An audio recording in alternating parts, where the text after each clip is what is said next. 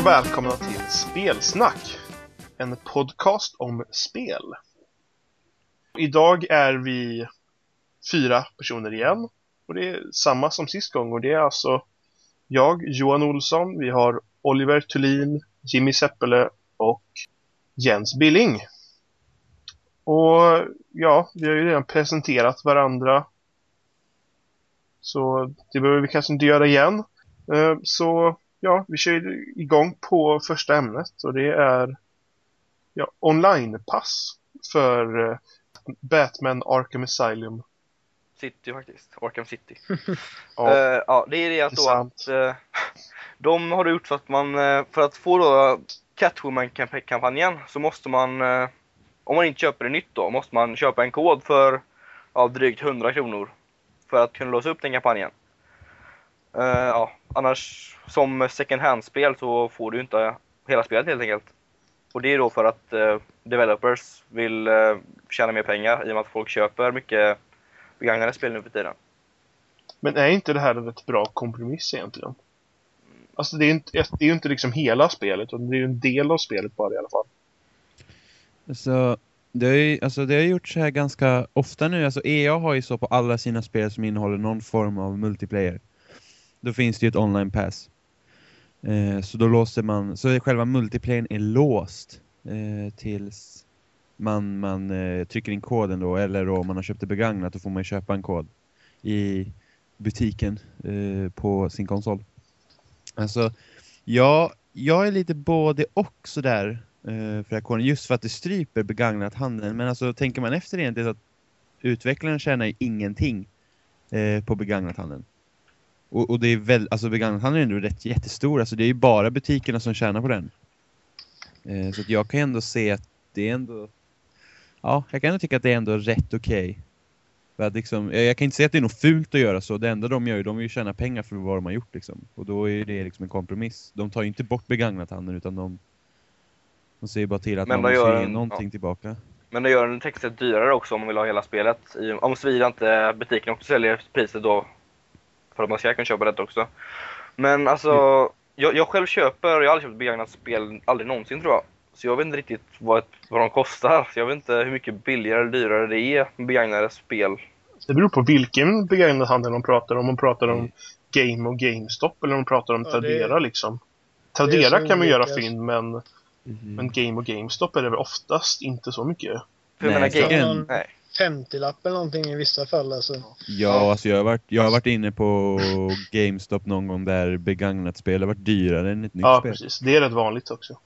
Ja, Och då ska man betala 100 spänn ytterligare också. Så det är, Mm, precis. ja, ja. Men Jag det är ju liksom, jag kan inte säga att det är egentligen mer än rätt. Liksom utvecklaren vill ju bara ha pengar för det de gör. För, ja, precis.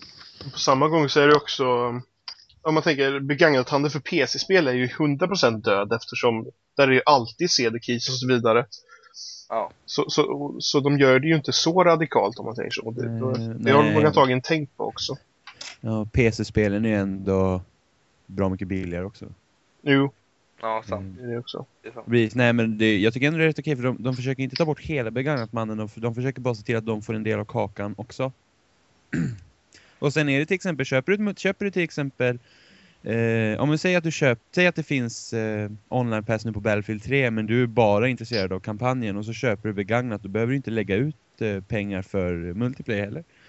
Nej, precis. Jag, jag kan tänka mig att folk kommer känna sig lurade, lurade, lurade om de köper sånt. För att, åh, ett nytt spel! Alltså, Jaha, nu måste jag betala ännu mer. det finns ju Alltså, om rätt hårda regler för sånt. Så. Jo, men om de, om de inte vet om det innan, jag tänka mig att de kommer känna sig väldigt lurade. Och de måste Det betala är ännu mer. fodralet. Det kommer stå på fodralet, helt klart. Ja, klart det kommer, men alltså... Men alla är inte så uppmärksamma i och för sig. Men, Ja, alltså, jag det. ställer mig lite... Jag ställer mig lite där Jimmy står. Att det, det är ju klart.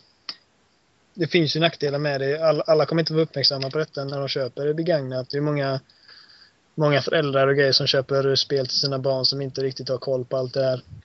Nej, men, men frågan Men- är vems fel det är då? Nej, men det, det är ju ingens fel precis. Så att eh, jag, jag, tycker, jag tycker inte detta är orimligt eller fult. Jag tycker att det är ganska... De är inte oresonliga heller. Jag kommer ihåg på Homefront. Eh, så eh, fick jag låna av en kompis. Och då fick jag inte den här keyn. Men då, då hade de ett val att man kunde få spela, vad var det? En dag eller någonting som jag åtminstone kunde få testa det innan man betalar för det. Liksom. Men det är också bra. Ja, Ja. det hade Det- Need for Speed Hot Pursuit som släpptes förra året också. Man hade två gratisdagar man kunde testa multiplayer. Det är bra. Det är riktigt Ja bra. men det är skitbra. Alltså jag lyssnade på en annan podcast tidigare idag. Där var det en som föreslog att man kanske skulle släppa single player och multiplayer i olika delar. Så till exempel, alltså de... Ja, men ta, ta, vi kan ta Battlefield 3 igen. Det är liksom, många köper ju det enbart för multiplayer. Och så får du liksom, så ska man säga det är billigare i butiken så köper du singleplayern och sen får du välja om du vill ha multiplayern. Så är spelet billigare i Men affären blir det, inte, blir det inte marknadsföringen dyrare då? Det Och, vet pack, jag och inte. paketering av spel och så vidare. Nej, men det är ju samma paket. Du köper skivan och sen så låser du bara upp uh, multiplayern online. Så ska Ja. det ju funka. Men, men då, då, är det ju, då är det ju det också det här att man det här att man får DLC på skiva och sånt där. Det har ju folk kritiserat Ja. ganska mycket också. Ja. Man Jo, köper men då, någonting. Men det är bara, men då har vi betalat, då har vi betalat fullpris. Men ta Gears of War 3 till exempel där typ alla skins som finns med i spelet finns på skivan men du måste köpa dem för att få dem. Mm. Eh, de, liksom, då har ju ändå spelet kostat fullpris. Jag köpte ändå det, liksom, det kostar 600 spänn. Men, eh, men om man nu tar till exempel skulle de dela upp single player och multiplayer i två olika delar så kanske spelet bara skulle kunna kosta hälften. Vi tar att ett, ett nytt spel kostar 300 kronor och sen så får du köpa upp en multiplayer för 300 kronor ytterligare eller någonting. Då har du ju köpt hela spelet och det är samma pris. Men jag tror inte de skulle tjäna på det. Alltså de vill ju tjäna pengar. Och Nej, alltså, jag tror- nej, jag tror inte jag att de många- skulle många, skulle bara köpa, många skulle bara köpa en, just en del då. Alltså- så alltså det- de skulle förlora på alltså- det. Det skulle ju Precis. inte vara 50% då, utan det skulle bli 75%. Precis. Jag ser ju inte, jag ser inte att det händer eftersom eh, idag så tjänar de ju pengar. Alltså de, de har ju liksom tänk, tänk de förlorar ju på det. De har utvecklat ett spel hur länge som helst. De har de här tre komponenterna. Co-op, multiplayer och single player och sen så är det kanske någon som bara köper single playern. Då förlorar de ju på det liksom. Eh, så att jag ser inte att det händer men det hade ju ändå varit kul om det hade kunnat vara så.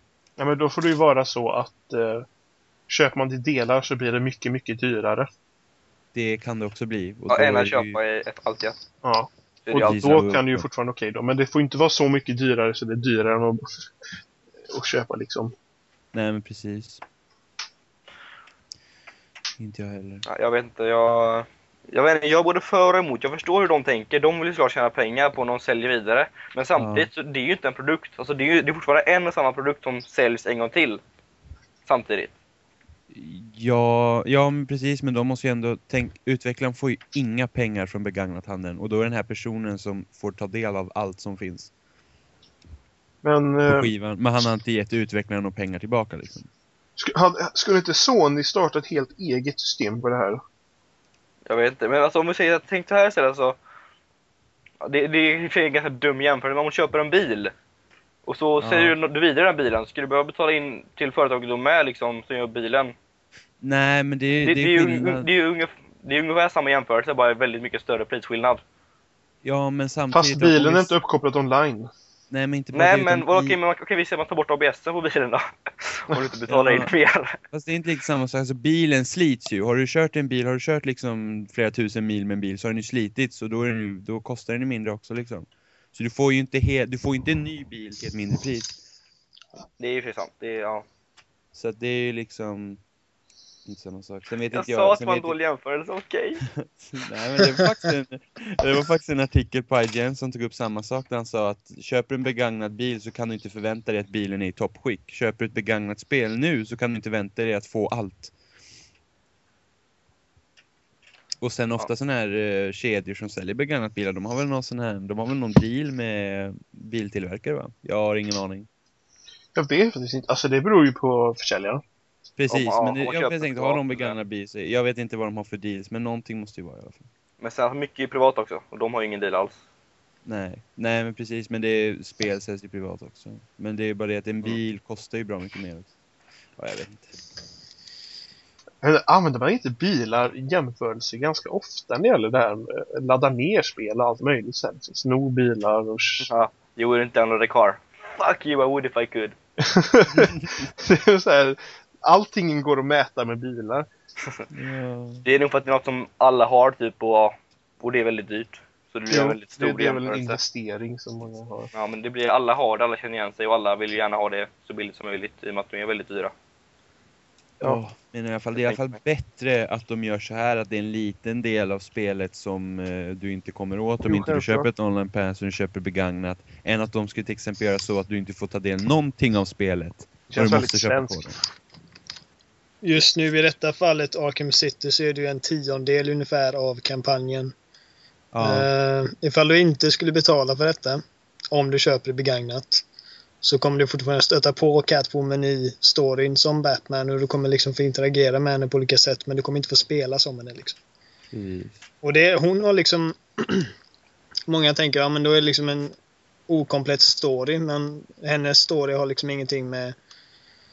Eller inget... Den har ingen jättestor del av det som händer i eh, Men det är väl en annan synvinkel, det är en annan synvinkel bara. Typ. Ja, men hon har, ju, hon har ju sin egen li, lilla grej hon håller på med. Hon springer runt och snor saker och råkar hamna i något trubbel. Och Batman får komma och rädda henne eller vad det är. Men det, det, det påverkar liksom inte ditt nöje med spelet ifall du inte har detta. Det, det är väl snarare så att du har mer kul än att du inte har kul liksom. Ja, precis.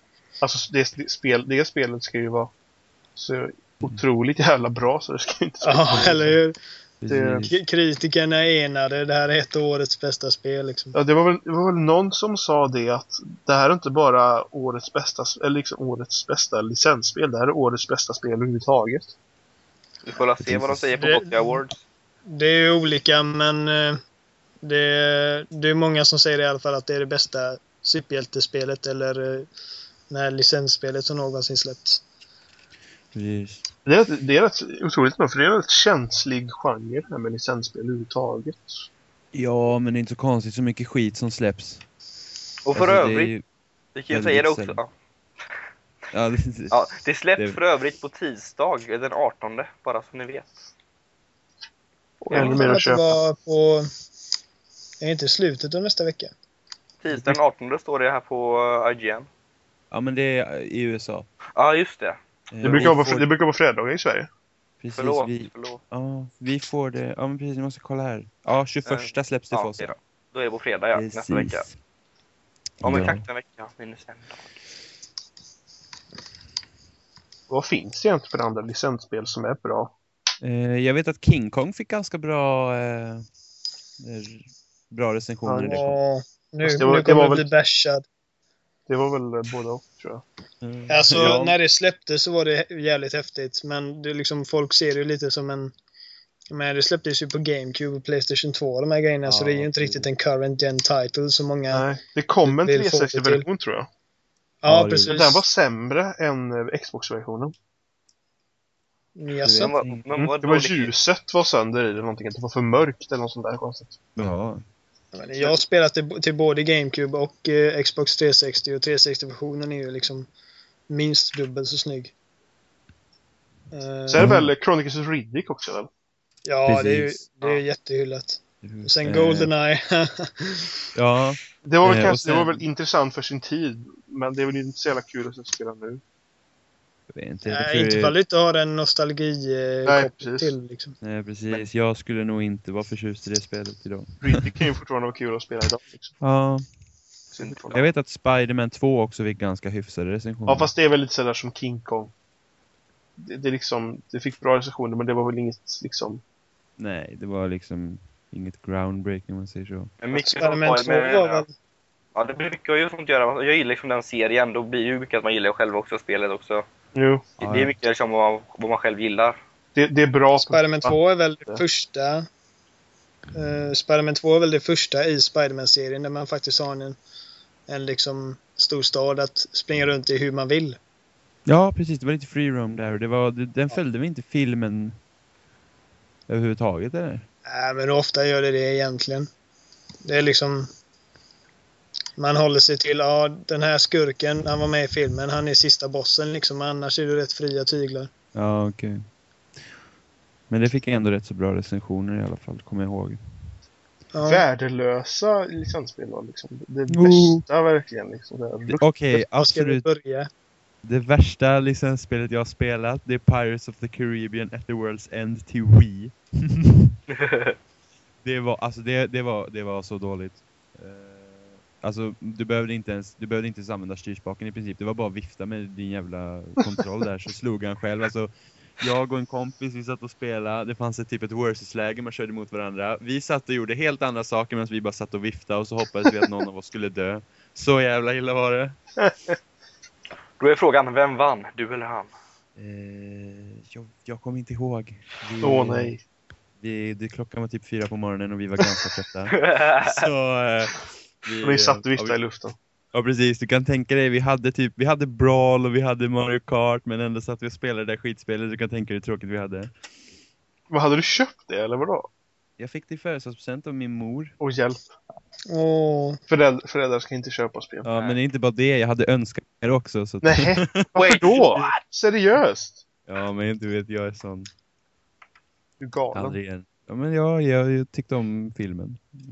Och då väljer du liksom... spelet. Men hade du inte 360 då? Nej, jag hade bara Wii då. Jaha, ja men då förstår jag. Precis. Då, då, det gör inte jag.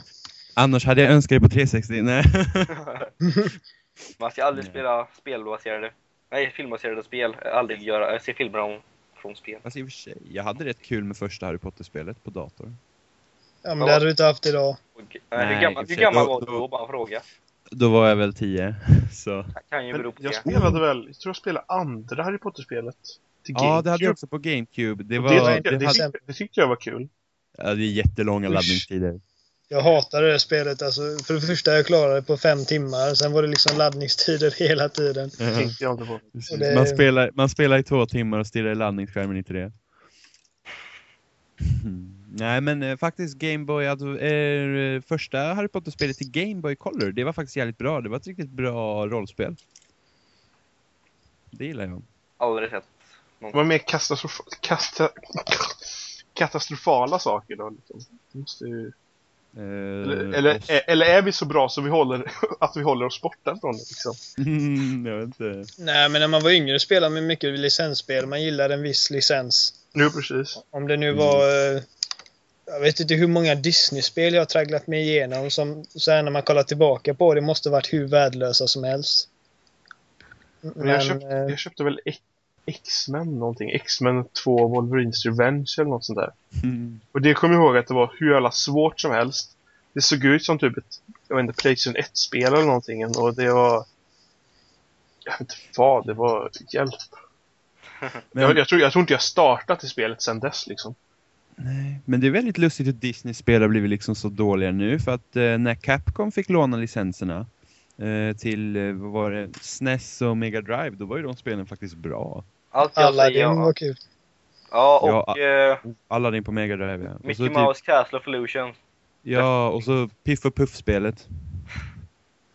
Var också... Men det vet var, jag väl inget att, det var väl det att det var liksom ett riktigt... Ett, ett företag som gjorde spel som tog det liksom. Nu Precis, är det de ju... De lånar ju bara karaktärerna i princip. Nu är det ju annat. Nu ska det göras på deras jävla filmer och så, ja, så blir det som det blir. Epic Mickey var väl kanske något som... Ja, men var inte det jättetaffliga kontroller i det? Det är ett spel som jag alltid velat spela, men jag köpte det aldrig för att... Jag menar, jag spelade ett tag och jag, jag tänkte inte på kameragrejen och sånt som många... Som Det- många Det var väl omtyckt väl av recensenter och så? ja, det var det var, det var kameravinklar och sånt som var jobbiga tyckte de. Ja men Men det- spelet i sig var jätte, fick jättebra betyg. Jo, Ja, fick, fick helt okej. Fanns väl några brister. Det var ju det var jättehypat också. Det var ju han... Eh, nu kommer inte jag ihåg vad han heter, men han som gjorde DU6. det första Spector heter den. Warren Ja. Spector. Warren Spector, precis ja. Han gjorde ju första DU6-spelet, så det var ju väldigt hypat. Ja, det, det var inte precis som det skulle bli ett Deus Ex med, Nej, nej, nej. äh, men alltså det... Ju ändå, alltså, En men, kompetent spelutvecklare. Precis, alltså...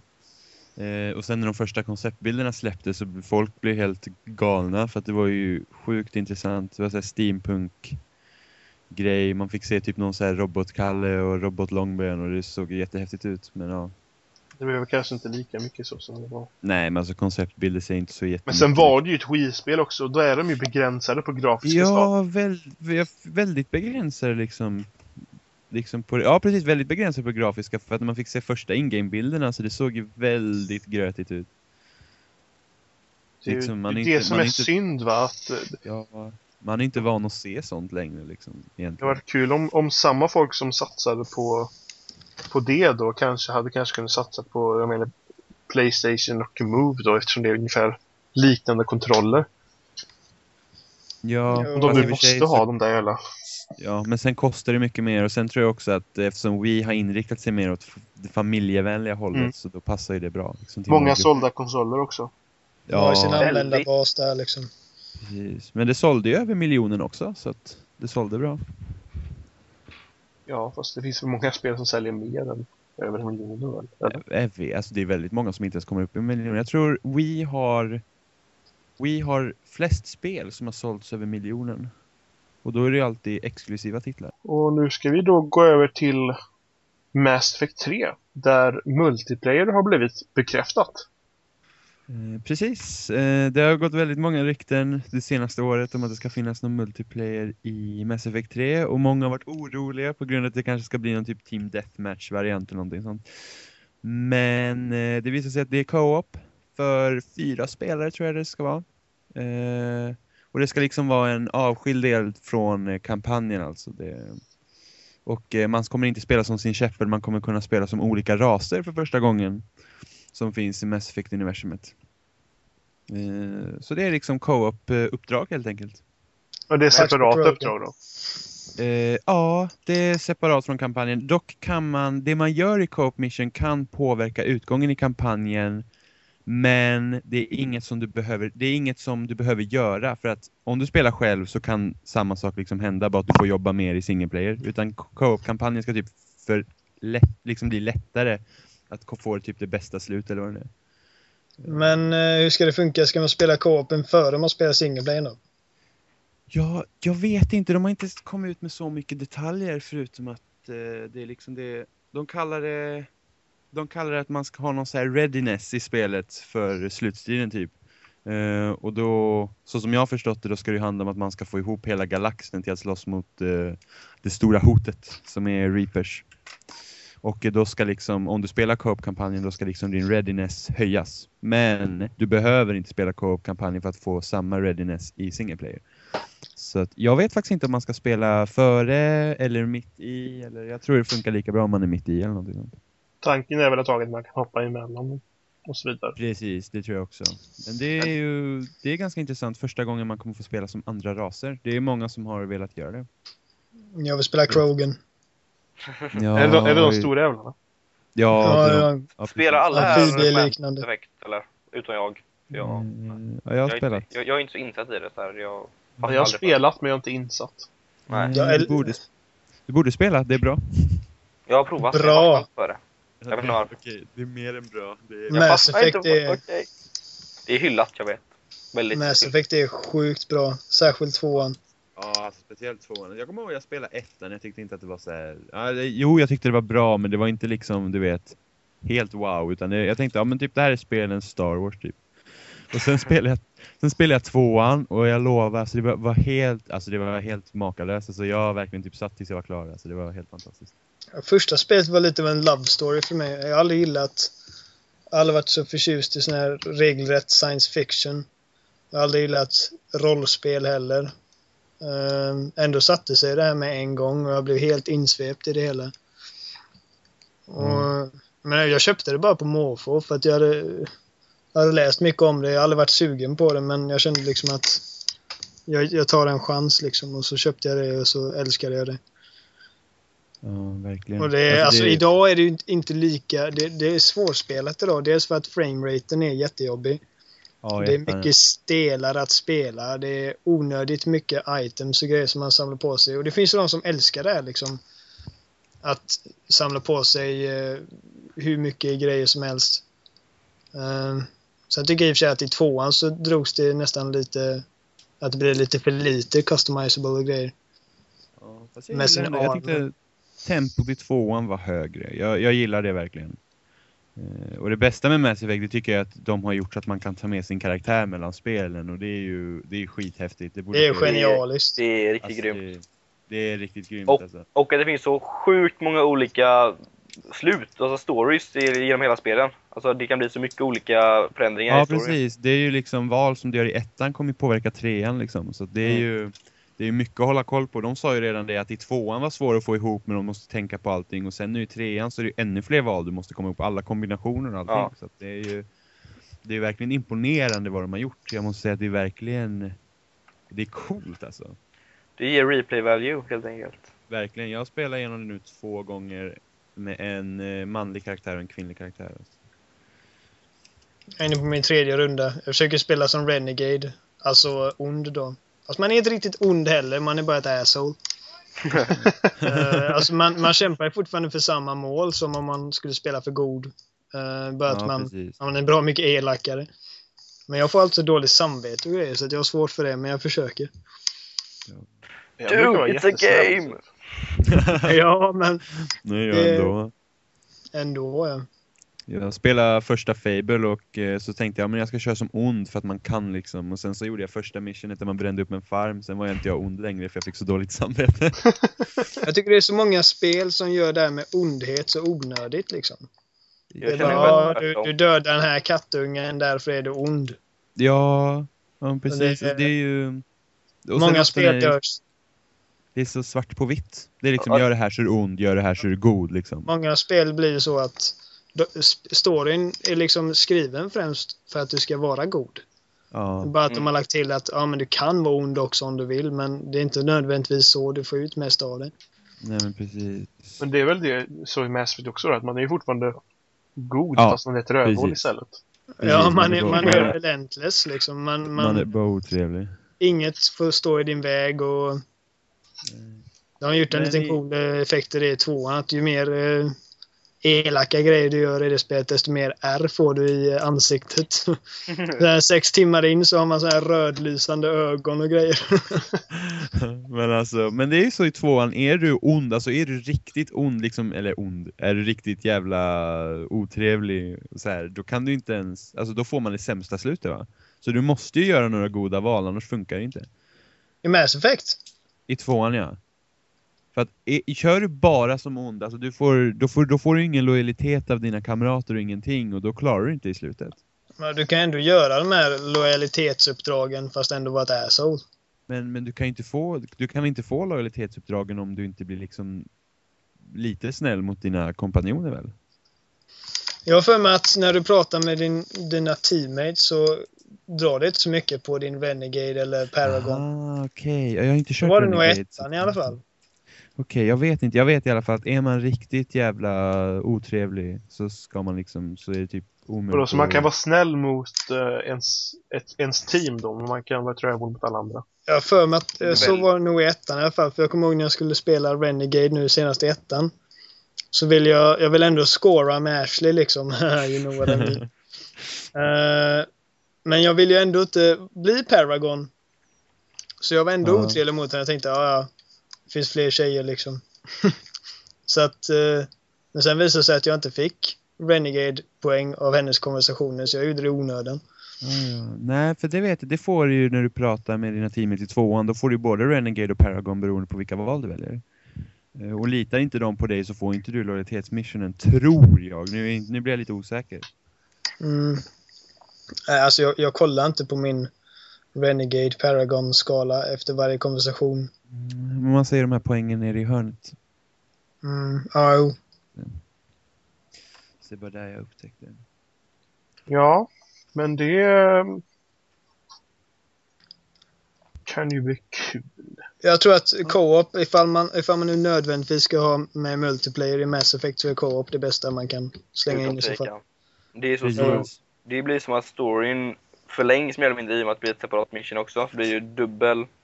Det, det, det ingår ju i storyn på sätt och vis. I och med att det, Ja, Ja, jo, det- precis, det gör det ju. Du, Man är mer det är ju ready, liksom, Precis, det är ju någonting. Och sen så är det någonting säkert Bioware.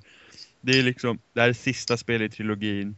De vill gå all out liksom. Och så vill de ändå visa att ja, bara för att det är liksom slut på den här trilogin betyder inte det att vi inte kan göra någonting med mer av vårt universum vi har skapat liksom. Och då är det jättebra att sätta in eh, co-op här liksom. Vi får spela som helt andra raser som inte har någonting att göra med Shepard. Vi kommer liksom inte ens få se vår egen karaktär. Så det är ju, det, är, det tycker jag är skitbra. Det väcker ju ändå en del frågor alltså. Eh, dels då hur det kommer funka rent spelmässigt. För jag menar, när du ska välja vapen och krafter och sånt så brukar det liksom pausa spelet. Eh, De kommer, ju, de kommer ju garanterat lösa det på något sätt. Jag är bara nyfiken. Precis, men Och sen känner jag det, om inte co-op-läget är helt fantastiskt. Så kommer jag liksom, då kommer jag oundvikligen känna att liksom Ja men det här var ju halvdant eller det, det här var ju helt okej men hade de inte kunnat använda den här energin de gjorde för, la på detta för att göra single player-spelet ännu längre liksom. Jag tror faktiskt att de känner den pressen. Jag tror också. Alltså, jag, Ja. jag tror inte att de skulle inkludera co-op om de verkligen inte vet att de sitter på en bra grej. Alltså. Då, Nej, hade, de- då hade de redan kunnat fixa det till tvåan egentligen. jo, men, men ändå. Jag känner Ja, alltså... jo, jo, jag förstår att folk kan vara oroliga men jag, jag litar på Bioware faktiskt. Jag, Jag ställer mig-. Jag ställer mig försiktigt optimistisk. Mm, fast sen jag gillar ju co-op också. Så att gör jag med. jag, jag är helt galen i co-op. Typ, så att, eh, men alltså jag, jag, jag tror att det blir bra. Vi får vänta och se helt enkelt. Precis. Det kommer säkert bli bra. Bara att frågan är ifall det är lika bra som single player nu. Ja, precis. Ja, precis. Det kan ju, det kan ju lika bra vara någonting bara. Men så är det väl ofta när det ska komma in något, något nytt i ett spel på det sättet. Att man, man kritiserar det alltid på det sättet att du lägger en kraft på något annat som... Ja, fast i och för sig, jag vet inte, när, por, när det utannonserades att Portal 2 skulle ha co-op, då var det ju liksom, alla var ju helt åh yeah, typ. Men, Ja, men i och det- för sig så är det är ju Valve också, de är ju bra. En Portal är liksom ett, egentligen ett perfekt spel att ha på, uh, co-op i. Ja, Men Ja, oavsett ifall man spelade co-op eller inte så var det nästan ett co-op-spel. För man satt ju flera stycken, även i single player-kampanjen och liksom bara ja men testa det där och det där liksom. ja precis. Och det sa de ju också i någon intervju att när vi kollar på när folk spelar så är det ofta liksom det, det, när en kille spelar så är det ofta folk som blir nyfikna och sätter sig ner och liksom försöker lösa det med dem. Ja men precis, ja, men precis det, blir liksom, det är liksom pussel liksom. Så det, Ja. det, det liksom, på co-op-läget i Portal 2 var ju, alltså det var ju skitbra. Ja. Verkligen, Genialiskt.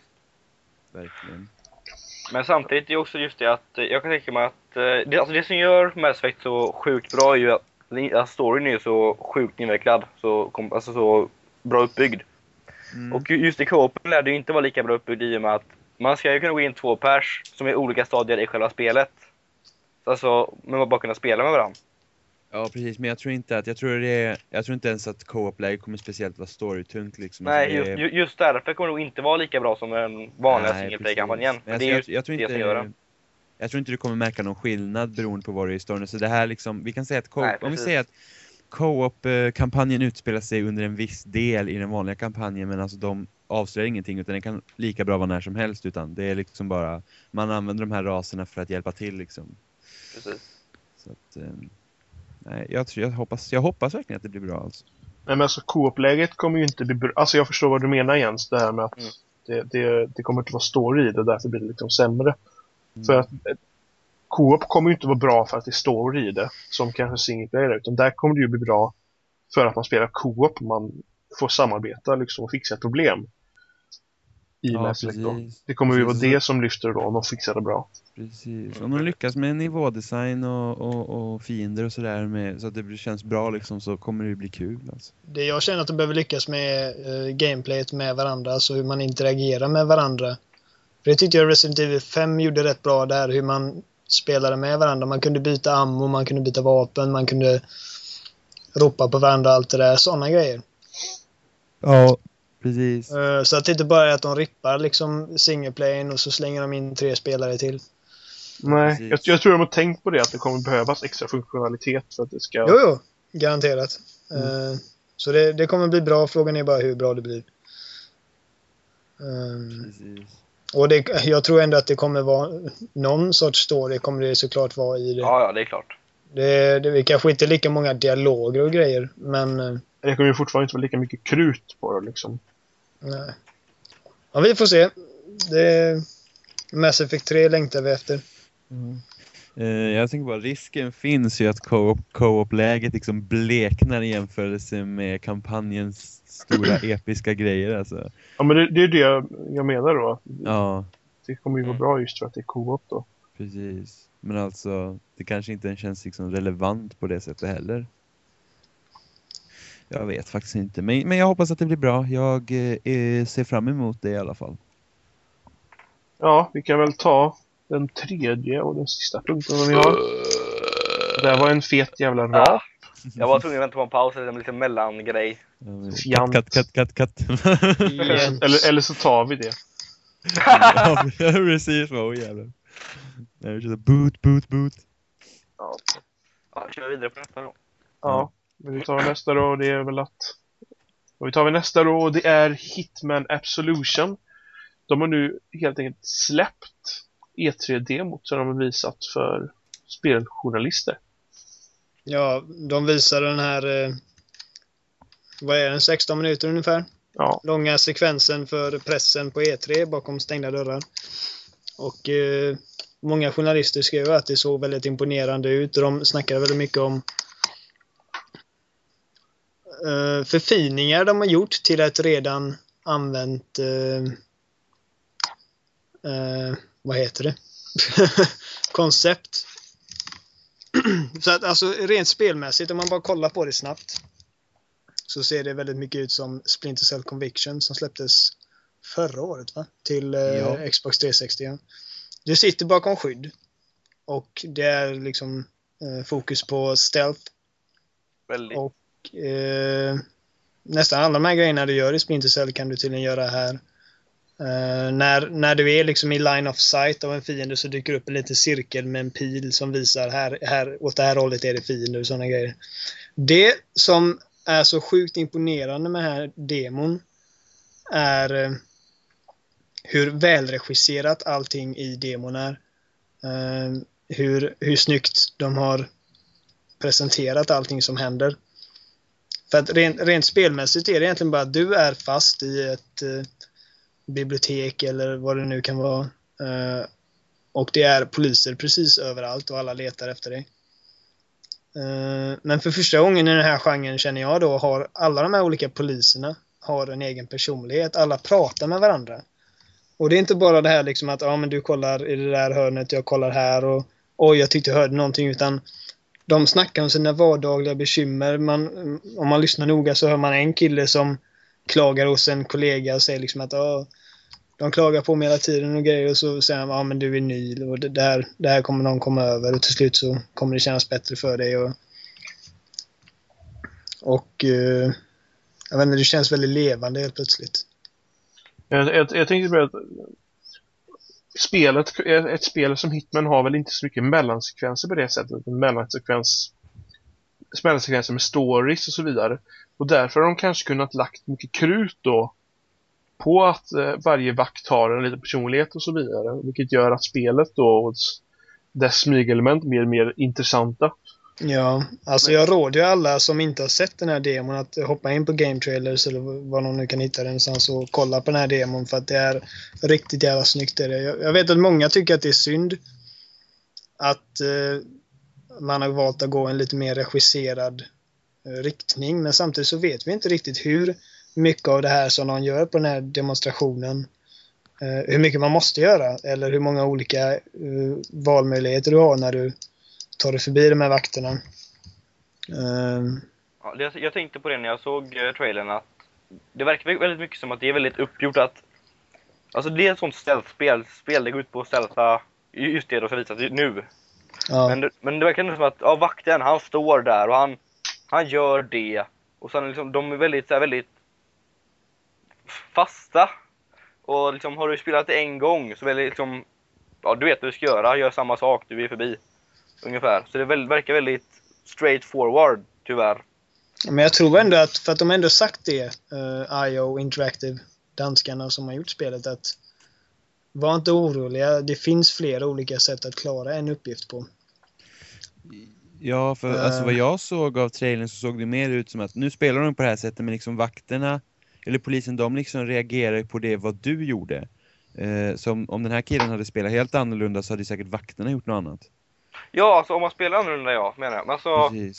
Så jag tror Men- inte att, alltså till exempel där nere när du är i biblioteket så fanns det fanns säkert en bra massa olika möjligheter för att ta dig vidare liksom. ja, många olika sätt att göra det på. Men alltså, under tiden liksom, med, medan du väntar på att antingen tar du honom, vilket kan påverka hur, vad som händer sen. Men han, Ja. han står liksom bara där och lyser med sin ficklampa och de, gör, de, de bara står och liksom gör väldigt förgjorda manövrar liksom. Vad vad ska de göra då? Ja men alltså tänk så att random, alltså de går runt så här det finns så många sådana spel som, eller inte jättemånga, men det finns vet jag som... eh, För alltså varje gång, varje gång du kör ett visst rum så förändrar den hur, vad som händer i rummet. Så det blir olika varje gång du spelar det. Jag menar att nästa gång du går in så gör en AI, AI en helt annan. Alltså, det- men så växlar så att det inte alltid blir samma grej. För Det vet vi ju inte heller eftersom vi bara nej, sett nej, jag en. vet. Vi har bara sett det. Men utav det jag har sett tycker jag verkar väldigt så att det är väldigt straight forward. Att det verkar som att det är väldigt... Du går där under, han står där, han kollar bort, då smyger du förbi. Det vet, Och han- alltså, det vet, det vet inte jag om liksom, men jag tyckte riktigt, jag tyckte nästan att det var det nästan jag blev mest imponerad för jag tyckte att AI verkar ändå göra ganska annorlunda, de gick i par, de, de hade inte, alltså ofta, om vi tar nu ett, ett, ett, eh, ganska nära exempel här som Deus Ex Human Revolution, då var det så att kolla på rummet och alla gick samma rutter, de gick, han gick runt den här lådan och det tar så lång tid, då kan jag smyga dit och han går runt den andra lådan. De här gick ändå, de snackade med varandra, de gick runt och kollade och löste med ficklampan. Jag vet inte, jag vet inte riktigt om det fanns en riktigt skriptad väg för dem. Ja, Jag tycker Ingen- det, jag vet inte, det är en... Mm, Det var ing- inget Nej, som jag tänkte på då. Jag, det var just det jag tänkte att det var. Jag tyckte inte att det var så. En av de grejerna jag tyckte var sjukt snyggt i den demon var när, när man, man, eh, man ska ut ur själva huvudentrén eller vad det är. Och så ser man att här är det poliser överallt och det verkar inte finnas någon annan väg ut. Så han går fram till en kille, tar honom som gisslan och pekar med en pistol mot alla och alla poliser i hela rummet blir på topp. Eh, liksom man känner nästan verkligen adrenalinet gå genom alla de här karaktärerna. Alla höjer sina pistoler. Killen som du har i eh, famnen ber, om, ber för sitt liv, säger att han vill inte dö, han vill inte dö. Och de andra kollegorna försöker lugna honom och säger att du kommer inte dö. Och samtidigt som de uppmanar mig att lägg ner pistolen, vi har dig omringad, bla bla. Och så backar man in genom den här dörren. Medan de här andra poliserna följer efter dig långsamt men väldigt cautious. Och så knäcker man nacken av honom och jag kände verkligen nej, han dödade honom. Fy fan vad hemskt. Och menar, hur ofta känner man det liksom? Nej, men det är ju I det att, sådana här att spel. de poliserna då som reagerar i detta spel, i, i många andra spel så reagerar de inte på samma sätt. Nej, De- de, de- inte börjar så- skjuta Nej, det är dig. sant. Ja, de bara börjar skjuta. Ja, och de, de, det, det, det är också en sån grej att, att ta någon som gisslan och sen liksom plocka av andra och, och försöka komma därifrån. Det har vi sett sen Splinter Cell 1 mer eller mindre. Men just det här att killen som jag höll och de andra poliserna kommunicerade med varandra medan det här hände. Och eh, en, också en sån grej, musiken är ju sjukt snyggt regisserad för att den Ja. är nästan liksom contextual. Den var riktigt bra. Det är in, inlagd, det tycker jag sjukt bra gjort. lite Inception eh, eh, stuk på det liksom. Och när du tar tag i den här killen så går takten upp med musiken och det, ja, det är sjukt snyggt.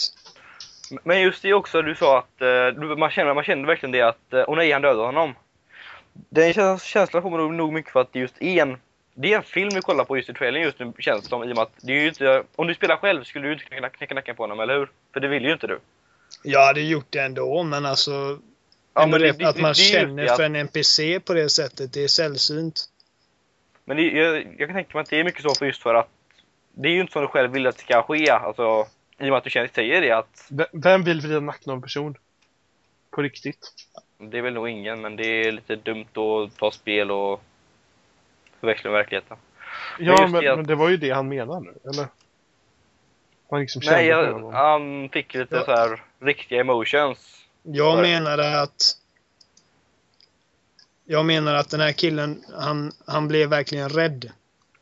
Och jag liksom, bara de här sekunderna då man höll honom, så fick jag liksom en bild av hur han var som person. Liksom ny i styrkan och så här och liksom kanske första uppdraget så här han är på. Och så blir han tagen och det första han säger när man tar tag i honom är, är att han, han ber om ursäkt till sina kollegor. Förlåt för att jag lät mig tas. Förlåt för att jag inte kollade noga liksom. Och sådana grejer. Och det jag reagerar på att det är väl säkert så de hade sagt i verkligheten men det, vi har aldrig sett det på det sättet i det, har spelet. man, det har man verkligen aldrig gjort i ett spel. Nej. Det är liksom, Nej. Man, Mm, I det- Splinter Cell, man ser en kille, man tar honom, han bara Och så är det Ja. liksom det. Precis. Och så Den knäcker nacken på honom, bara Men den här killen man hörde, han börjar nästan gråta liksom. Man kan nästan se framför mig hur han pissar på sig nästan.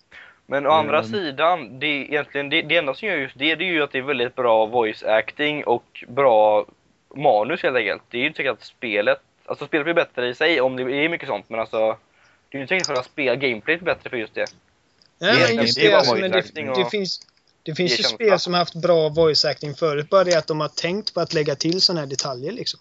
Ja, Precis. precis. Om, om, om AI liksom kan reagera på dina handlingar så är det ju ett ganska stort framsteg på det sättet. Liksom. Men det, det är ju Ja. inte säkert att det är just det AI, just det där med att han börjar skrika. Det kan ju vara scriptat att han blir tagen och börjar skrika.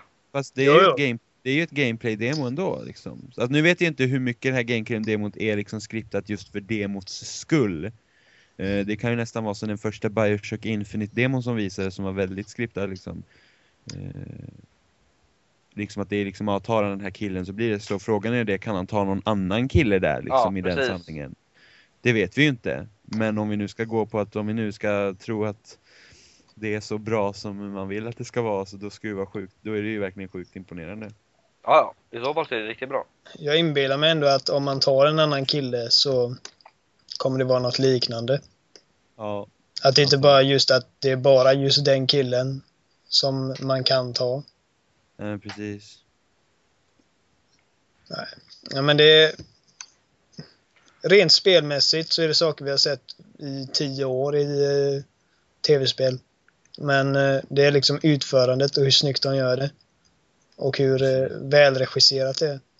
Och en annan grej är när man, när man slår ner en polis och blir jagad av en helikopter och så tar man på sig hans kläder. Och går ut. Men just det är väl klassiskt just från Hitman också. Det har man kunnat i alla spel va? Jo, jo, men Ja. det, det jag tänkte komma till är att när man, när man sen ska gå ut ur huvudentrén och, och liksom komma därifrån så är det ju, det är ju poliser precis överallt. Och det är inte så att om du bara tar på dig de här kläderna så kommer de bara ja tjena tjena utan du får liksom nästan han håller inne en knapp eller någonting så att han liksom nästan gömmer sitt ansikte lite grann. För att som, som vi sa förut, de här, de här karaktärerna eller de här NPCerna kanske man ska säga. De är karaktärer. De har sin bakgrund och allting. Eh, och när, eh, när det kommer in fler poliser genom eh, ytterdörren så går man fram till den här don, donut-asken eh, och tar en donut för att liksom smälta in lite grann. Och då, då säger en, en annan polis till honom liksom ah, jag känner igen dig. Uh, slutade inte du? Och då säger han bara nej, jag, jag lämnar aldrig. Eh, utan att vända sig om för att han vill inte att han ska se hans ansikte. Mm. Eh, så det är inte bara det att ja, men du klär ut dig till polis, då kommer de aldrig känna igen dig. Nej. Men det är just det som är, det är väldigt svårt att veta också att i och med att det är ju bara en trailer, mer eller mindre. Så det är svårt att veta vad som är just scriptat och vad som är... Alltså det är game, det är ingen trailer. Nej, det nej, är nej, liksom... nej, nej, det är, det är ingen trailer, det är gameplay. Men vi vet ju inte alltså om vad för mer möjligheter det finns Nej, än det där. precis. Det blir ju som en vi, trailer har, för oss. vi har sett en väg. Mm, precis. Och vi vet inte om det finns andra. Nej, så vi vet ju inte, eller hur komplicerat det är, alltså hur... Vad, vad händer om man inte går dit till Donuten till exempel? Vad händer då? Och Vad händer, vi vet ju inte det. Nej, det är ju- det, det är mycket att, som bara gissningar nu just nu. Det jag tänkte på när jag såg den, det jag liksom reagerade på, det var just då när man flyr ifrån en helikopter då, man smyger.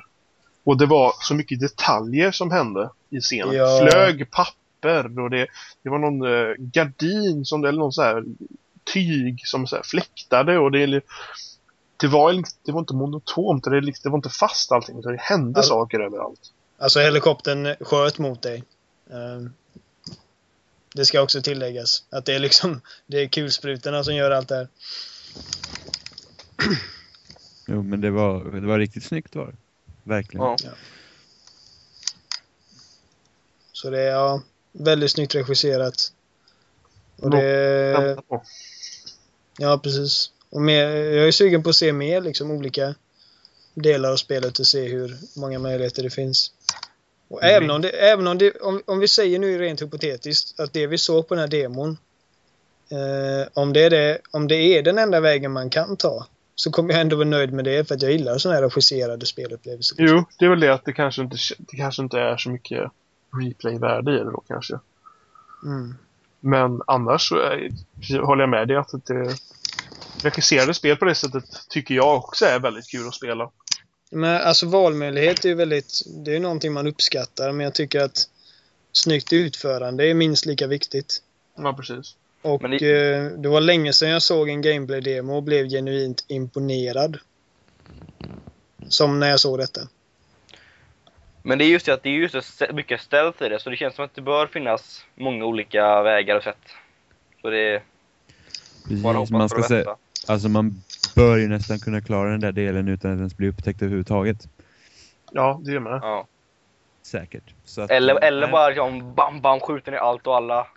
Alltså ja, en precis, gång det går igen, ju tar dem en och en. Precis, Så det det, ja. Jag undrar hur de skulle Ja, reagera alla de här NPCerna då ifall Ja, de märker liksom precis. att... eh, Oj, han dog. Vad fan hände ungefär? Ja, och om Man, man, alltså, vad, hur de reagerar ju- de då? Ja? De är ju ungefär 20 poliser där inne, de är ju jättemånga. Mm. Så man skulle nog kunna ta två eller tre utan att de märkte så mycket, men när de börjar liksom... När de börjar bli ännu färre, hur det, hur det skulle se ut då. Precis. För det är någonting man märkt i, i Deus 6 då man ska ta det som ett exempel igen. Att det var väldigt enkelt att gömma sig och plocka en under efter rundan. Så gjorde jag flera Mm. gånger. Jag, jag, gick, jag gick fram, dödade en, sen gömde jag med en, eh, en luftventil någonstans tills de hade lugnat ner sig. Och sen var det precis som att ingenting hade hänt. Ja, för jag körde med, med, med 9 mm pistolen med ljuddämpare och lasersikte. Ja, och, körde, och körde HS hela tiden liksom. Ja. Och Ja. eh, jag menar, du dödade en och de märkte ju det. Då började de leta efter dig, men sen så bör du se till att hålla dig gömd en viss tid. Och då bara de slutar liksom. Då slutar de leta och så fortsätter de göra det de gjorde liksom. Och det är ju lite det som, det är ju så det har sett ut förut i stealth-genren. Uh, jag har alltid gillat stealth-genren ända sedan uh, Metal Gear Solid. Så liksom att se hur, hur det har utvecklats rent med AI och sådana grejer, det är ju jättehäftigt. Men i Splinter Cell Conviction var det inte så om du dödade någon där sen så blev de aldrig riktigt eh, avslappnade va? De gick nästan runt på helspänn hela tiden va? Ja, det gjorde de nog. Alltså, Ja, jag, de. jag satt inte och väntade för att de skulle bli lugna, utan jag dödade en och sen så gömde jag mig. Precis, men det var liksom, det var inte, då gick de inte runt, de verkligen, då kollade de efter dig ända tills du liksom klarade den delen av spelet, visst var det så? Och så är det förmodligen. Jag, jag, eh, jag tror det var så. Det är inte som i Deus 6 där det var liksom som att man gick iväg och sen var det precis som du aldrig hade varit där. mm. Precis. Så var det. Men Jag var rätt aggressiv när jag spelade Splinter Cell Conviction, så det kan mycket väl vara så att de till slut skiter i det. Jag vet inte. Jag tror Eh. inte, jag, jag, jag försökte nog stälta så mycket som jag kunde. Mm. Faktiskt. Jo, det gjorde jag med, men jag menar att jag... Hade jag dödat en så väntade jag inte 10 minuter på att döda nästa, utan... Ja, nej, nej, precis, precis. Så, äh, så jag vet inte ifall deras beteende förändrar sig efter en längre tid. För jag menar, när jag hade blivit upptäckt i Deus 6 och dödat en så sprang jag och gömde mig så satt jag och kollade på någon serie eller någonting tills de hade lugnat sig. Ja. Pussy! Ja, men vad fan. Det- Det räcker med att de träffar dig tre gånger så är du död mer eller mindre. Jag körde ändå på easy. Så Oh. att, eh, ja.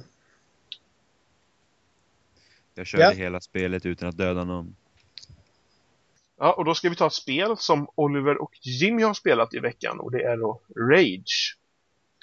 Yeah. Ja, precis. Rage! Rage. Anger management. Nej. Eh, Rage släpptes då för en vecka sedan ungefär precis ja. Eh, och eh, en asteroid har krockat med jorden. Eh, som har fått, ja, det, hela världen hade typ ödelagts. Och då har regeringen hade något program innan det som satte viktiga personer i eh, många som de kallar sig arker. Så att eh, sen ska man vakna upp och då ska man liksom återskapa världen sen. Eh, och det börjar spelet med att man vaknar upp i sin egen ark. Eh, och så kollar man runt där och så alla andra är döda, det är man bara själv som lever. Så går man ut. Eh, och sen så träffar man på en annan person och han tar det till en liten stad. Och det är ungefär så spelet börjar. Du blir påhoppad det första som händer mer eller mindre. Men jag glömde bort det. Av en mutant va? Visst Av en det? bandit. En Var bandit. inte, var inte, spoila inte mycket nu killar. Spoilers! Nej, nej, nej, men det har ju med själva inledningen ju. Precis, men det, det, är så, det är så spelet börjar i alla fall och premissen är då det liksom att det är, världen har gått under och eh, de som är de människor på ytan som liksom, de försöker klara sig, de får slåss mot banditer och mutanter.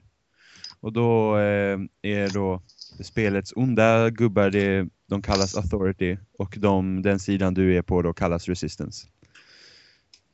Till slut. Till slut ja. Eh, ja, alltså jag, eh, när jag började spela det, så alltså först när du bara kommer ut ur arken, alltså det är helt, eh, det är ganska imponerande snyggt ändå tycker jag. Det är riktigt snyggt spel. Det är ju IDs nya motor. id Mm. Softwares Id nya Engine spel. 5 eller 3? 5 eller 3 är det? Idtech Id- heter den bara. Id 3. IdTech, IdTech Ja. 5 är det va? Ja, är det- men vad fan är det 5? Jag sa 5 eller 3. Ja, det är vi måste olika saker bara två. Det, det, det är nog fem. Eh, och det nya med den här motorn då, det är att, det är att de behövde inte använda olika texturer. De har en textur som är satt på hela världen tror jag. Det låter simpelt men det är rätt snyggt. Ja, men det, det är jävligt snyggt. Alltså, Du, du, du misstolkar megatextures. Ja, Okej, Ja. Är det? Det, jag har ingen det, att det är att man har stora texturer alltid. Ah, jag, vet, jag kommer inte ihåg hur det är, men det är inte så som du sa i alla fall. Eh, men det är nog förenklat i alla fall. Det är att du behöver liksom inte, det är inte lik, du behöver inte ha textur för varje grej, eller vad är det? Ja, men det är typ att man kan måla väldigt enkelt sånt. Så att Nej, eh, vet inte. konstnärerna i spelet, om man nu ska citera Carmack själv då, han som gjort motorn. Så är det väldigt enkelt för konstnärerna att, att skapa miljöer. Ja. Det värsta är ju då att texturerna på nära håll ser riktigt jävla dåliga ut, alltså de är jättesuddiga. Alltså, du behöver inte så nära, behöver det nog inte vara, som ganska suddiga. Men spelet överlag är snyggt. Och eh, Det går i 60 bilder i sekunden, vilket Det går alla i spel 60 bilder i borde göra. Det, Precis, det är alltså- bedårande alltså. Ja, alltså även fast när det, liksom, det flyter på så bra när det är 60 bilder per sekund, men jag har liksom aldrig tänkt, du vet, på det förut egentligen, eh, när något går 60 bilder, 60 bilder i sekunden. Men sen när jag hoppade tillbaka och spelade Battlefield 3-betan precis efter jag spelade Rage, då blir Battlefield 3-betan blev väldigt grynig och seg. Så det det gör också också- mycket. Det, blir, det får väldigt mycket hate på sig också just att du kan inte ändra, det, det kan ju inpatchat nu men du kan inte ändra dina grafikinställningar alls va? Utan den gör det Mm. åt dig. För att du ska ha just 60 FPS. Jag Du vet faktiskt på inte. 360. Vi, vi spelar Aha. på 360. Ja på. PC då så gjorde de så att eh, nej, spelet ska uppleva 60 FPS, vi gör allting automatiskt inställt åt dig. Efter din Mm. hårdvara. Och väldigt många hatar på det, visst. Man vill ju ha hög, hög FPS. Men om, om eh, någon då, alltså bara någon Ja, jag vill ha ett snyggt spel. Jag behöver inte ha 60 FPS. Jag vill bara ha ett snyggt spel. Det är en kul upplevelse så. Bara fina miljöer. Då kanske jag vill ha det. Låt mig bestämma det själv ungefär. Men, det det är snyggt. Men det tycker inte id. För de alltså, har en halvkass burk, ja då sänker vi grafiken och du får leva med det och köra i 60 FPS. Ungefär. Ja. Det är väl det att det kanske är svårt att ha det ena eller andra när de har så väldigt avancerad kanske autoinställning. De, eh, det var väldigt mycket problem vid PC-releasen också. Spelet var typ Ja, Ja. men det, det, vissa kunde inte spela alls och ja, det var jättekrångligt. Men- Det känns som det är väldigt vanligt med PC-spel nu för tiden. Ja, men det har blivit så eh, när de, ut- de utvecklar ju, alltså konsolmarknaden är ju så stor nu så att de flesta utmä, eh, utvecklar till konsol. Och sen så blir PC-portningen bra mycket sämre. Dessvärre. I många fall. Alltså när vi ändå är inne på Rage så vill jag eh, peta hål på myten om att det här skulle vara ett rollspel i, eh, i stil med Fallout 3, vilket varenda jävel lyckats få för sig. Jag vet inte var folk har fått det ifrån. Alltså, Alltså- dels för att det är Bethesda som ger ut spelet Ja, just. och dels för att det rent miljö och eh, plottmässigt påminner om Fallout. Och Men det här är lite liksom klumpig, lite klumpig marknadsföring också. För att jag vet, i början när Rage utannonserades så fick, alltså, man har ju fått den bilden av att det skulle vara mer större än open, open world. Liksom. Och de, de har liksom inte riktigt dementerat de ryktena. Först förra året på E3 jag tror man började liksom verkligen se att det här är mer en vanlig shooter liksom. Om man ska vara rättvis så är det ju en open world, bara att det, det finns inte så mycket du kan göra i den här Ja, världen. nej precis, precis. Den är mer transportsträckor liksom. Men jag Mm. menar, det... Ja, Det är ett actionspel. Jag menar, det är id Software vi snackar om. De gjorde Doom och Wolfenstein de här spelen. Quake. Quake. Mm. Och det är ju liksom action rakt på. Och det, det, Ja. kanske, det kanske några har saknat också efter, efter alla spel som har så mycket Det, story och grejer. det går ju tillbaka lite till den här old school shooten liksom. Du, Okej, för att ditt liv eh, återgenereras. Men eh, du är liksom inte begränsad till två vapen åt gången utan alla vapen du samlar på dig kommer du ha. Och eh, det känns lite som den gamla skolans eh, actionspel fast i modern tappning. Folk, återigen det här med Fallout. Folk har liksom frågat mig hur lång tid tog det för dig att klara spelet? Jag sa men det tog 15 timmar liksom. Va? Bara 15? Fan, Fallout tog ju typ 35. Jag bara, men vad fan. 15 timmar är rätt mycket för ett spel som 15 är timmar. bara... Det är ett single player actionspel. Det, är ganska mycket. med Call of Duty eller Halo eller de här. Så att. Hur många timmar sa du nu då? hur många timmar jag tog? Ja, 15. för Rage. För Ragen. Alltså det är ju rätt mycket. Ja, Ja, det, jag tycker också det. långt. För, för bara en shooter liksom. Samtidigt så Ja. du kan ju säkert springa igenom spelet på 8 timmar också. Men nu är jag den som gillar att göra side missions och grejer. Och det ska sägas, okej, det är ett actionspel. Okej, det är ganska linjärt. Men det finns ju grejer du kan göra på sidan också. Eh, grejer som du inte behöver göra. Och eh, förutom actionmomentet så finns det ju racingmoment. Okej, bilfysiken är inte den bästa heller. Men det är ändå en, en skön avstickare till det man annars gör i spelet, vilket är skjuta sönder allting som rör sig. Det finns tillgängligt helt enkelt och det är bra att de lägger till sånt. Så Ja, det, det, det finns om man vill ha det. Det finns alltså ungefär två eller tre race i spelet som du måste göra för att komma vidare i storyn, men sen finns det liksom 25 till ungefär. Som du, när du klarar ett race och beroende på vilken plats du hamnar på får du en valuta som kallas Racing Certificates som du köper nya uppgraderingar till din bil. Uh, vilket kan vara nya vapen, uh, motorer och booster och grejer- sådana grejer. Uh, så det, det, är ett väldigt, det är väldigt varierat actionspel. Eh, och det är, det är väldigt många olika miljöer och framförallt är det liksom mycket variation på vilka fiender du möter och hur du får, hur du får tackla de här olika fienderna. Du har ju mutanter eh, som kommer med sina spikklubbor och vad det kan vara. Så har du banditerna som är lite mer ociviliserat fast ändå intelligent och inte muterade. Så har du då liksom huvudfienden som är, som är the, the Authority. Och de är ju high-tech och har jätte, och jättedyra vapen och grejer. Precis. Så det. Och sen finns det en hel drös med minispel också. För den som tycker om sånt. Ja, jättemycket. Och Gambling. jätte, jättemånga Ja. snygga ansiktsanimationer. Eller jättemånga ansikts... Alltså ansiktsanimationerna är riktigt snygga. Och Ja. karaktärerna, även om av st- storyn det är någonting jag vet att Jimmy har eh, sagt är lite synd att storyn inte får ta så mycket plats och att den inte är så välskriven allt det där. Precis. Ja visst, de hade kunnat göra en bättre story men det är samtidigt ingenting som jag tänker på när jag spelar. Spelet är jävligt kul, det är bra. Ja, det, det är roligt att spela alltså. Jag brukar ofta störa mig när storyn inte tar plats. Så jag brukar känna så vad fan. Alltså, var, var, varför gör jag det här för liksom? Men nu, de har ändå lyckats få det fixa ändå bra liksom. Ja, men de här gör jag för att vi i den här byn, vi ska, eller staden, vi ska kunna fortsätta leva här och, och vi har lite problem med de här killarna. Så att det, det är jävligt kul att spela alltså. Det Ja. Så det är ren skär spelglädje tillbaka liksom. Nu spelar man inte för någon, för någon underliggande orsak. Eh, Det är liksom inget konstverk och det är ingen, det är ingen gripande story. Det är bara ett jävligt kul spel. Eller välgjort actionspel. Bara en liten fråga. Ja. Eh, på tal om just det här med att eh, ha extra koder man köper. I Rage så är det ju hela det här sewer-systemet, eller då klakarna då. Mm. Att de köper ju till om de köper second hand. Hur viktiga är de till spelet egentligen? Vad, vad, vad är de egentligen? Ja du. Jimmy, alltså kommer du ihåg när man var i Sewer? Måste tänka. Men det var ju bara ett uppdrag va? Ja, jag kan inte tänka mig att det är något mer. Jo, Alltså, det... var ju bara det var ett uppdrag man skulle fixa. Det är väl det där uppdraget man ska fixa vattenledningarna va? Det måste ju vara det. Mm. Alltså- har man ju klakerna.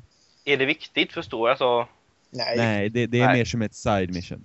alltså det är ingen så här liksom jättecrucial man måste köpa till i så fall om man köper begagnat. Nej. Nej, alltså, det det, tycker jag det är ju ingen, vad jag har förstått det som så är inte det där någonting som det är Arkham City-fallet där de har tagit bort någonting från spelet utan det är liksom DLC som du får till Ah. Anarchy Edition när du köper det. Som, det, det känns typ som så här pre-order bonus. Typ som Precis. extra, precis som extra uppdraget i Deus Ex man fick när man köpte det och sådana Mm. grejer. Det kanske inte ens finns att köpa på Marketplace. Jo, det finns det. Ja, det gör det? Ja, ja, Jajamän. Det hade jag ingen aning om. Det märkte jag redan dagen innan spelet släpptes så hade de lagt upp det. Ja, ja, okej. Och jag kände bara fan har de redan lagt upp DLC? Men jag fick ju det ändå så det gör inte Ja. mig något. Men det är jävligt kul Ja. spel. Ja, hur många räkmackor ger du nu? Rage, Oliver. Oliver eh, ger 8 av 10 räkmackor. 8 av 10, ja vi kör den systemet. Jaha, ehm, jag har inte klarat det än. Men Ja, jag, ja. ska- jag ligger på... Jag kan ge hittills, kan, ja, det blir... Nej men jag ger nog också 8 räkmackor till Rage. Mycket har du spelat då? Eh, jag är över hälften redan, så att jag börjar närma mig slutet. Du har inte så mycket kvar. Um, Nej. Alltså att... Det är väldigt bra betyg liksom. Det, alltså, Ja. det, det, Ja, det är, det är ett, det är ett komplet, det är väldigt bra spel, det tycker jag. Men jag, jag ser det för vad det är. Många som har valt att inte köpa det här spelet som jag ser i forum och grejer som bara Ja men fan jag trodde det här skulle vara bättre än Fallout 3 men nu är det inte det. Jag skiter i det. Men om man, men om man går in och köper det här spelet och förväntar sig ett riktigt bra actionspel så blir man inte besviken. Kan nästan Precis. garantera. Precis. Det är Men det är bra. inget för Amakir för att man laddar upp sitt liv. Eller? Ja, Nej, precis. precis. Inget för Amakir, honom köp inte det här spelet. Nej, precis. Snälla. Mm. Nej men Inga det, sen, det ska ju säga att de har ju lite målat in sig i ett hörn, id Software, när de har beskrivit det här spelet när de började utveckla det. För de har ju sagt liksom att det är ett actionspel med rollspelselement. De enda Mm. rollspelselementen jag kan ens komma på, det, det är dels att det är liksom du har side Quest. missions, side Ja, quests precis. precis. Men, men du går inte upp i level, det finns ingen sorts XP-system. Man kan Mm. uppgradera bilen. Du kan uppgradera precis. bil. Du, du, kan, du, kan, Det kan- du kan köpa ritningar i affärer och bygga typ eh, ny ammo eller eh, robotar och grejer som kan hjälpa dig i strider av skräp som du samlar på dig i, uppdragen. Eh, så Det är väl- lite, Det är väl dessa saker som de kallar just rollspelselement i så fall. Ja, Ja, men det är ja. väldigt subtilt ändå liksom. verkligen, alltså det är inget rollspel, punkt slut. Jag menar, det, du levlar ingenting. Du, eh, enda, enda som gör dig starkare är att okej, du får en bättre armor till slut och du får fetare vapen. Precis, det är inga, inga stats du behöver kolla på att du får den här mängden HP plus när du köper den här armorn eller att de här skotten har typ 3 plus i attack jämfört med dina gamla skott och sådana där grejer. Du kan käka någon eh, ört som gör att du får eh, 10% mer hälsa eller vad det är. Men jag menar, Ja. har inte ens en procenträknare för din hälsa. Nej, precis. Så det är ingenting man märker ändå. Så det, det, är, ett, det är ett lite djupare actionspel per se så liksom. Nu gjorde du mig väldigt glad. Jag var rädd att det skulle vara väldigt för mycket RPG-element. Jag, bara, jag har bara läst det, jag, jag har inte spelat än som sagt. Så jag var jätterädd för det att id, id gör, ju, gör ju shooters, det är ju det de gör ungefär. Och Ja. väldigt, väldigt bra sådana. Så jag är rädd att de skulle väldigt lägga in för mycket på RPG och inte göra ett så bra shooter. Men nu, nu har jag blivit, jag blev glad. Väldigt glad. Mm. Nej, men jag, menar, alltså, jag, jag gick in med förväntningar om ett bra actionspel och att sätta mindre än en åtta känns som att lura sig själv. Ehm, jag tycker det är ett jävligt bra spel. Visst, Ja. storyn, storyn hade gärna fått ta mer plats och grejer, men, men det är ingenting man sitter och stör sig på. Det är Mm. kul. Ja, ska vi låta den här positiva och mysiga och glada stämningen avsluta detta avsnitt av Spelsnack? Ja. Ja Mysigt. då. Ja, men då hälsar vi för oss. Och så hörs vi om två veckor igen. Hejdå. Det Är det bra? Hej då!